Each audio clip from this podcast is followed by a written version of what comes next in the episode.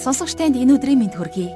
Библийн хуудасаа радио хичээлийн шинэхэн дугаараараа эргэн уулзж байгаадаа баяртай байна. Өнөөдөр бид хамтдаа Иохан номын 8 дугаар бүлгийн 1-р ишлэлээс 12 дугаар ишлэл хүртэл уншиж судлах гэж байна. Заримдаа хүмүүс бид бусдыг шүүмжилж, үтгэж доромжлохдоо өөрөөсөө ямар ч гимгүү цэвэр ариун хүмүүс шиг аашилдаг. Тэднийг доромжилж, үтгэхээс илүү амар үйлдэл нь юу вэ гэхээр өөрсдийнхөө үзэл хандлагаар шийтгэх явдал. Тэгээд хин нэгнийг шийтгснийхээ дараа нэг их том үйлс хийчихсэн аятай багтаж, баярлаж, сайрхацгаадаг. Харамсалтай нь дэлхий дээр амьдран байгаа хүн төрлөختөн бид бүгдээрээ гин нүгэлтэй. Тийм ч учраас монголчууд ингэж хэлдэг шүү дээ.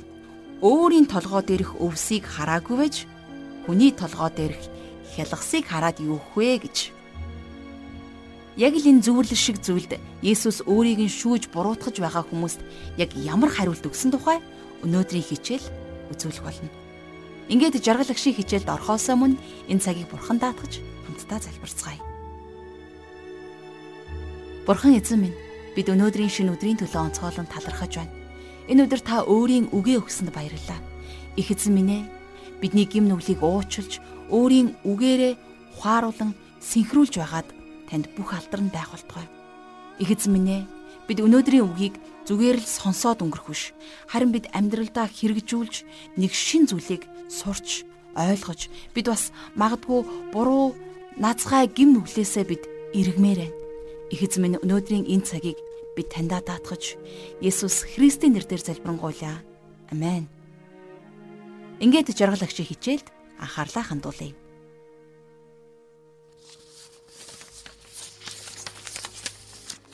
За та бидний өнөөдрийн хамтдаа судлах Иохны сайн мэдээ номын 8 дугаар бүлэг завхаарч байгаад баригдан ирсэн эмэгтэй талаар түүхээр эхэлдэг. Тэгэхээр бидний эзэн шашны удирдагч нарын хооронд хурц зөрчилдөөн байсан. Тэд нар энэ эмэгтэй талаар за тэгээ тэрнийг яах ёстой талаар өөр өөр бодолтой байсан гэсэн. Эндээс ургаад Есүс бол ертөнцийн гэрэл гих гайхалтай сургаалыг заасан байдаг. За эхний 11 ишлэлд энэ эмэгтэй талаар бичсэн байна. За тэр эмэгтэйн гмийг Есүс хаацаалаагүй. Харин тэрэнд төвчээртэй инэрэнгүй. За бас элэгсэг хандаж гмээ хүлээн зөвшөөрч нүгэлд амьдралаа орхихыг загсан. За ингэснээрээ тэрээр гмийг буруутгасан. За ингээд хамтдаа Иохан номын 8 дугаар бүлгийн 1-ээс 2 дугаар ишлэгийг уншицгаая. Харин Есүс чидүүн уулууд яв. Өглөө эрт түүнийг сүмд дахин ирэхэд хүмүүс бүгд түүн рүү ирцгээв. Тэр сууж тэднийг сургаж эхлэв. За тэгэхээр тэр өдрийн өмнөх шүн зөвлөлийн хурал болсныг та санаж байна уу? Хүмүүс Есүсийг Месиа мөн үү биш үү гэдэг дээр үзэл бодлоор хуваагдсан байсан. Харин ганцхан Никодем түүнийг хамгаалдаг. За тэгээд тэр хурлаас хойш хүн бүр гэрлүүгээ харьцгаасан. За харихтаа хинч Есүсийг өөрийн гертэ өрөөг. Өглөө эрт Есүс Иерусалим хот руу буцаж орж ирдэг. За тэгээд сүм рүү очиж сургаалаа заахаар тэнд суусан. За цааш нь 3-аас 4 дугаар ишлэлдэр хуулийн багш нар болон фарисеучуд завхаарч байгаад баригдсан нэгэн эмэгтэйг авчраад голдоо зогсов. Тэд Есүст "Багшаа, энэ эмэгтэйг завхаарч байхад нь үйлдэл дээр нь барьсан юм" гэсэн байна. Тэгэхээр эдгээр шашны удирдагч нарын энэ үйлдэлээс илүү бүдүүлэг юм гэж байх уу? Бидний эзэн тэнд бурхны үгийг хүмүүст заагаад сууж байхад тэд нэр тэр эмэгтэйг чирж орж ирсэн. За мэдээж тэнд цугларсан олон тийшээ анхаарлаа хандуулахаас өөр аргагүй шүү дээ. А гэтэл тэд нар тэрнийг газар түлхэн унгаагаад энэ эмэгтэйг завхарч байхад нь үйлдэл дээр нь барьлаа гэж хэлнэ гэдэг бол үнэхээр ичхүртэй асуудал байсан. А гэхдээ тэр эмэгтэй буруутай гэдэгт нь эргэлзэх зүйл байхгүй. Бидний эзэн тэрний хийсэн зүйлийг гим нүгэл гэж нэрлсэн. За эцэст нь харин Есүс тэр эмэгтэйд хандаж яв. Дахиад битгий гим хий гэж хэлдэг. Харин хуулийн багш нар болон фарисеучуд хуулийг төгс сайн мэддэг ёстой хүмүүс байсан. Хэрвээ өөр хүний эхнэртэй завхаарсан хүн найзынхаа эхнэртэй завхаарсан нэгэн байх аваас завхаа эр юм хоёр гарцаагүй алуулах ёстой гэж.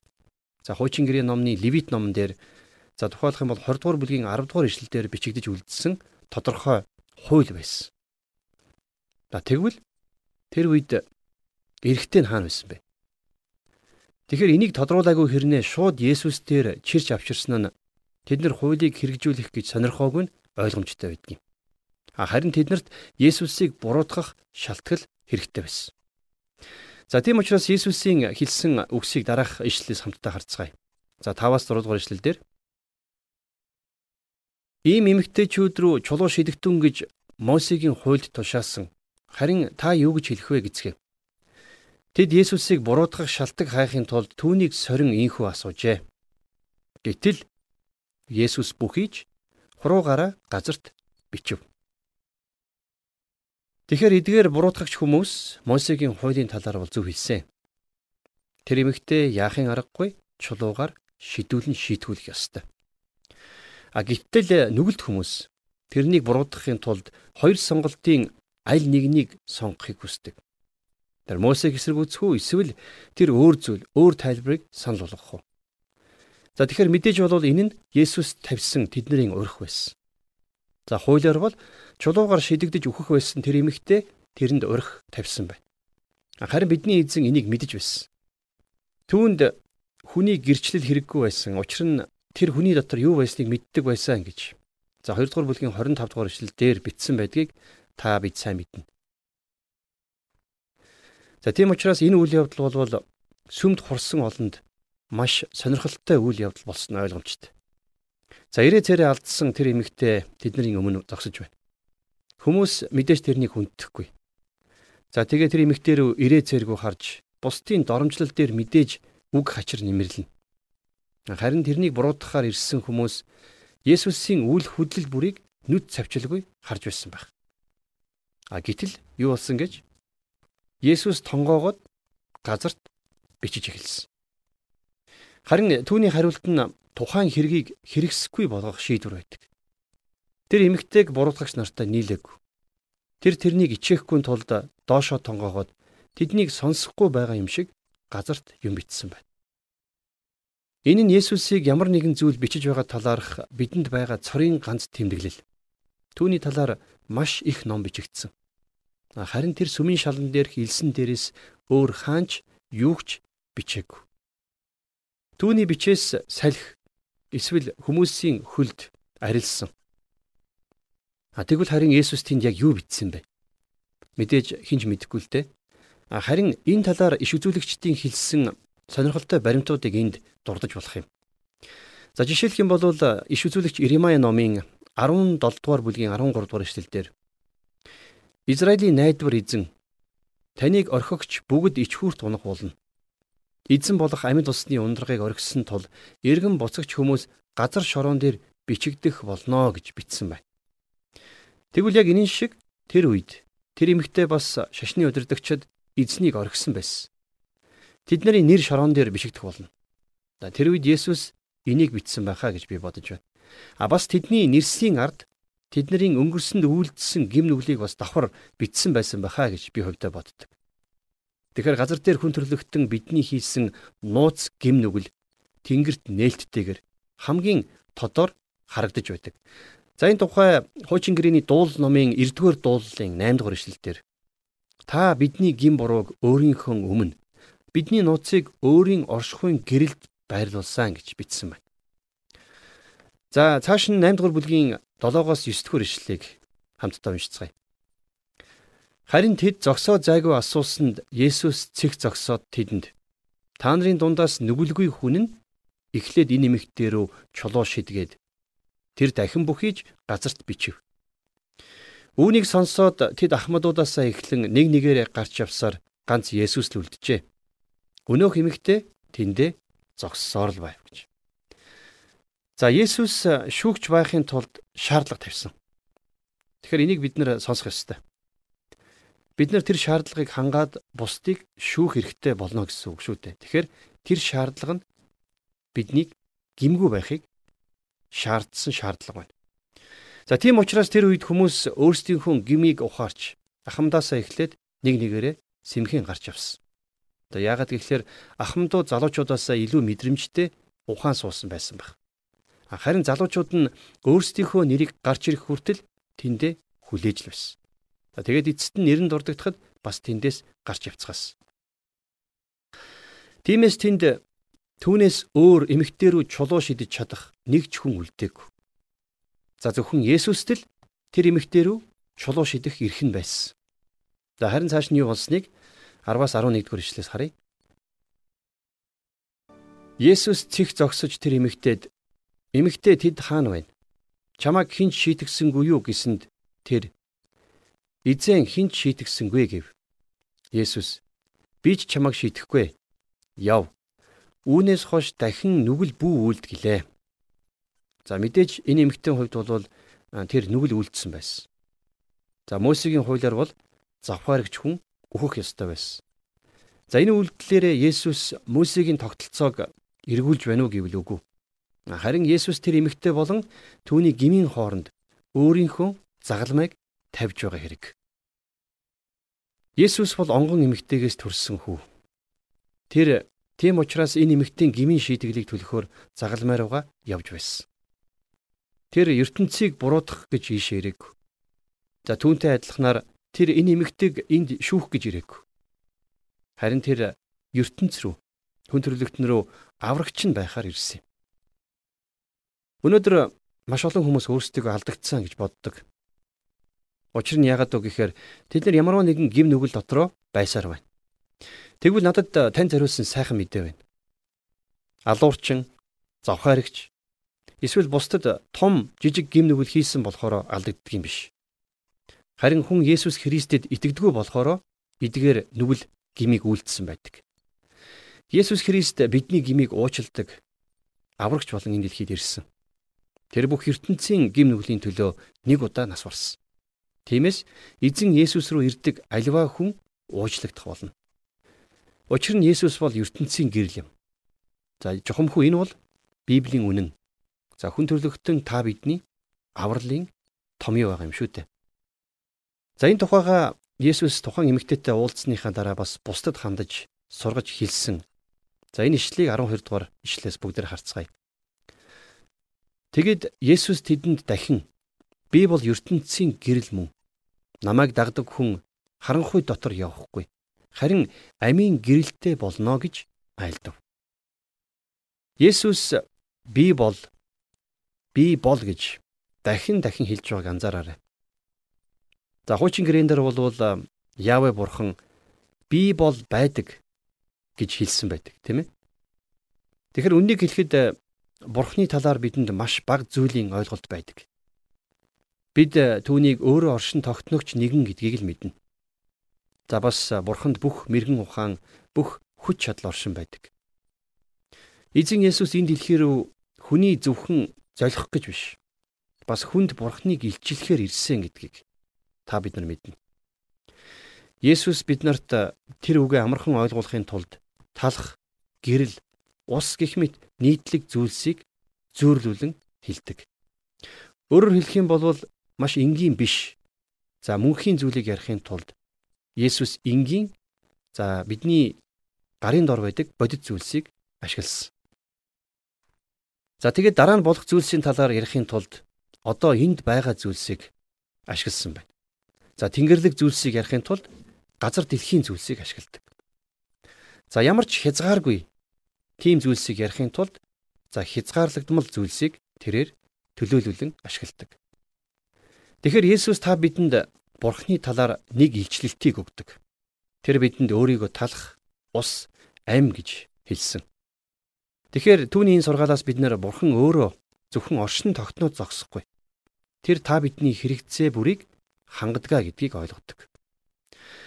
Есүс Иохны 6-гийн 35 дээр би бол амийн талах гэж хэлсэн байдаг болвол за Иохны 8-ын 12 дээр би бол ертөнцийн гэрэл гэж хэлсэн. За бас цаашлах юм бол Иохны 10-ын 9-р эшлэл дээр би бол хаалга. За 10-ын 11-р эшлэл дээр би бол сайн хончин. За 11-ийн 25-р эшлэл дээр би бол дахин амьлалт ба ам. 14-ийн 6-р эшлэл дээр би бол зам үнэн ба ам. За тэгээ цаашлах юм бол 15-ийн 5-р эшлэл дээр би бол усан үзмийн мод харин та нар бол мөчрүүд гэж хэлсэн байдаг. Харин бидний саяын уншсан ишлэлдэр бол Есүс би бол ертөнцийн гэрэл гэж хэлж байна. Тэгэхээр ингэж хэлснээрээ дөнгөж сая хуулийн бичээчд болон фарисеучуудын гим нүглийг илчилсэн. Учир нь яагаад вэ гэхээр тэд нэр завхаарсан гим буруутай эмэгтэйг түүний өмнө авчирсан байсан. А гэхдээ тэд нэр тэр эмэгтэй шиг гим буруутай учраас зүхтаагаад явцгаасан. Хин нэгэн гэрэл асаахад бүх харахнууд зүхтдаг шиг гэрэл хүний бүх гим нүглийг илрүүлдэг юм. Тэгэхээр Йоохны энэхүү сайн мэдээнд би бол ертөнцийн гэрэл гэж одоогор хамгийн дээд тунхаглыг зөвхөн Есүс л хийгээд байгаа. Энэ тухай Бурхны тодорхойлолтын нэг нь за 1-р Иохны загтлын 1-ийн 5 дээр байдаг. За энэ дээр юу гэж байдггүй гэхээр Бурхан бол гэрэл мөн. Түүний дотор харанхуй огт байхгүй гэдг нь бидний түүнээс сонссон мэдээ бөгөөд та нарт тунхаглаж байна гэж хожим нь Иохан загталдаа бичсэн байдаг юм. Тэгэхээр Есүс өөрийн ариун байдал, өөрийн зөв шударга байдал дотроо төгс гисэн үг.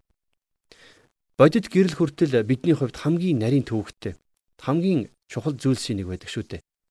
А гэхдээ л бид нар гэрлийг ойлгохгүй хിവэрэл байгаа. Хүүхэд ч бас гэрлийг ойлгохгүй. А гэхдээ тэр харанхуй өрөөр орохдоо гэрлээ асах хэрэгтэйгээ мэддэг. За бас харанхуугаас ч айдаг. За нар энэ дэлхийн бодит гэрэл байдаг шиг Есүс бол хүмүүн бидний сүнслэг гэрэл юм. Жохон хүүхэд гэрлийн оршихуйд орж ирэх мэдрэмжтэй байдаг шиг гим нүгэлтэй хүмүүр эзэн Есүсийн оршихуй руу орж ирэх боломжтой. А гэтэл харамсалтай зарим хүмүүс Христийг ертөнцийн гэрэл гэдгийг үгүйсгдэг. Тэд нар нэг бол дэндүү өчүүхэн гэрэл талхаж байна. За жишээлх юм бол сарыг авч үзье л да. Сар өөрийн гэсэн гэрэлгүйч гэсэн нарны гэрлийг өөртөө тусгаж ойлгодог. За тэрэн шиг бидний амьдарч байгаа энэ соёл иргэншил бүгдийг Христэс зээлдэг. Эзэн Есүс энэ дэлхийд ирсэн учраас биднэрт имлэг, халамжийн газрууд, өнчин хүүхдийн асрамжийн газрууд, за тэгээд ядуусын төлөөх халамж, хөдөлмөрийн хууль байдаг юм шүү дээ. А гэвч харамсалтай нь эдгээр газруудад өнөөдөр асуудал байгаа нь бид нэр гэрлээсээ хитрхи холдсны тэмдэг юм. Дэлхий зөвхөн сарны гэрэлд явж байгаа мэт ийм л дүр зураг хүмүүс бидний дунд өнөөдөр их байна. Тийм ч учраас төөрсөн, будилсан энэ хөөрхий хөгшин дэлхий Христ болох гэрэл рүү эргэж ирэх хэрэгтэй. Тэрээр хэлэхдээ намайг дагдаг нэгэн харанхуй талхахгүй. Харин амийн гэрэлтэй болно гэж хэлдгийг та бид нар үргэлж санахаас гадна энийг үйлдэл болгон амьдрах хэрэгтэй байдаг юм.